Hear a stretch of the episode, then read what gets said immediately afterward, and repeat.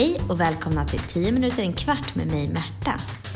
Och med mig Elias. Det här är en podcast på 10-15 minuter som tar upp ett nytt ämne per avsnitt.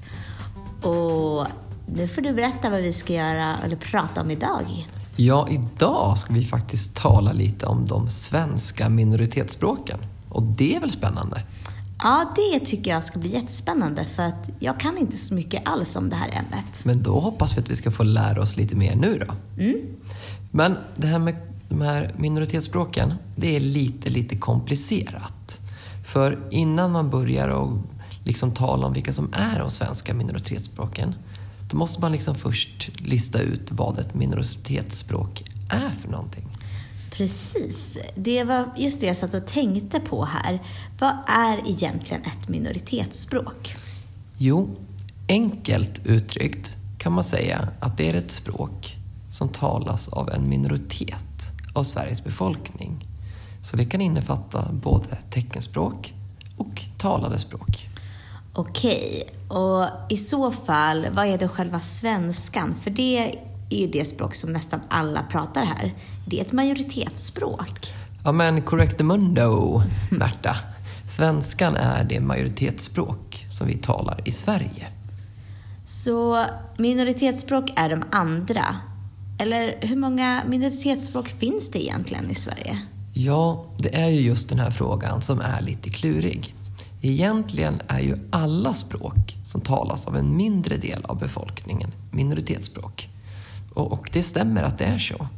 Men i Sverige så har vi också valt att ge en liten särskild eh, stark status till fem stycken minoritetsspråk. Och de här, de kallar vi för erkända minoritetsspråk. Okej. Det låter ganska svårt att avgöra vilka språk som ska få vara erkända minoritetsspråk eh, och vilka som inte ska få vara det. Alltså, hur har man kommit fram till det här beslutet? Och kanske det jag är mest nyfiken på, vilka är de här fem minoritetsspråken? Ja, men vad bra. Det höll vi faktiskt på att glömma. Jag tycker att vi börjar med att kolla på vilka de här fem erkända svenska minoritetsspråken faktiskt är. Kör. Ja, och de är finska, mm.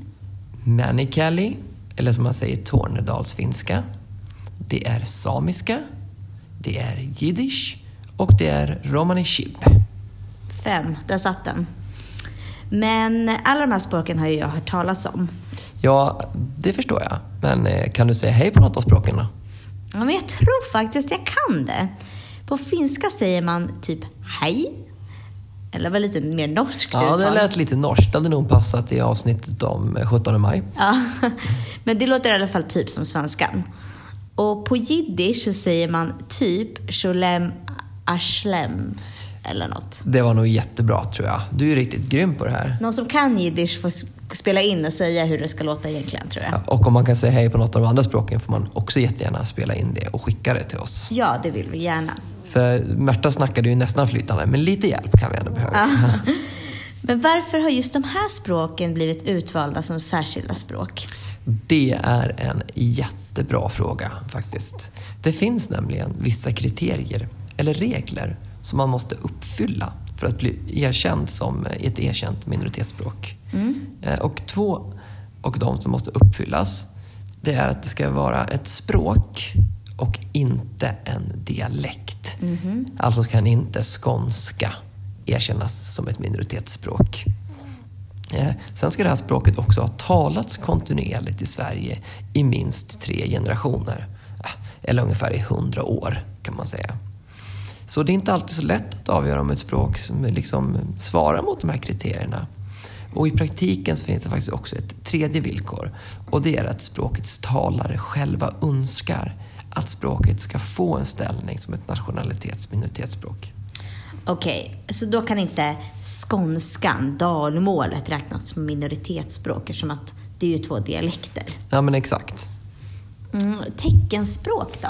Ja, den är, var också en jättebra fråga. Du ställer många bra frågor idag tycker jag. jag känner det. Du är lite on fire. Engelskan är inte ett erkänt minoritetsspråk. I praktiken kan man faktiskt säga att teckenspråket är ett erkänt minoritetsspråk. Och flera regeringar har många, många gånger uttalat sig om att teckenspråket ska ha en särskild ställning i Sverige. Men vad innebär det då att man blir utsatt till ett nationellt minoritetsspråk? Alltså vad får man för förmåner eller vad man ska säga? Ja, alltså konsekvenserna är lite olika för de olika nationella minoritetsspråken. Finskan, meänkieli och samiska, de har särskilda förvaltningsområden som består av en eller flera olika kommuner.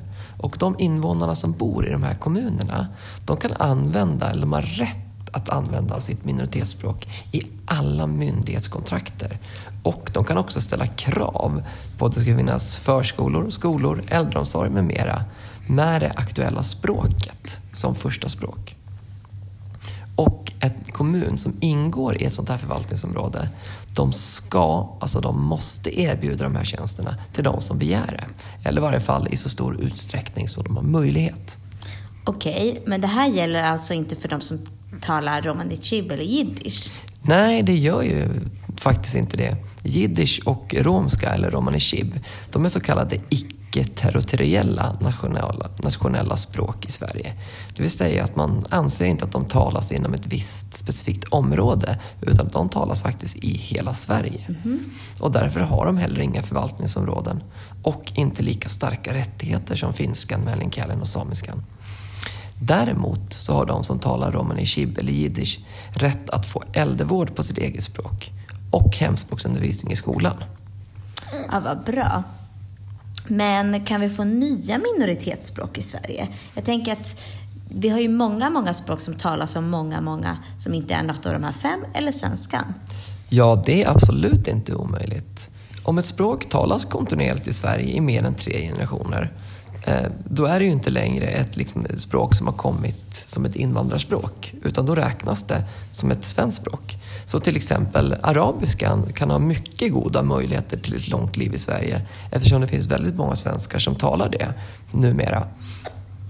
Eh, Och om 50 år kanske arabiskan har blivit ett erkänt nationellt minoritetsspråk. Om, Just, just det, spännande. Ja, jättespännande. Men där tror jag nästan vi sätter punkt för den här gången. Och vi som har gjort den här podden, vi heter Elias och Märta och den är gjord i samarbete med vikarielärare. Ni hittar den här podden på vår hemsida www.vikarielärare.se. Där kan ni också hitta material som ni använder innan, under och efter podden. Det materialet hittar ni i vår kunskapsbank. Och lösenordet dit är vikarielärare med litet v. Ni kan också hitta podden på Facebook, där finns vi som vikarielärare. Gå in och gilla oss. Eller på Instagram, där finns vi som vikarielärare. Gå in och följ oss. Vi vill också tipsa alla om att gå med i Lärarnas kunskapsbank på Facebook. Det är en riktigt toppengrupp där det delas massa spännande material. Tack så mycket, hej!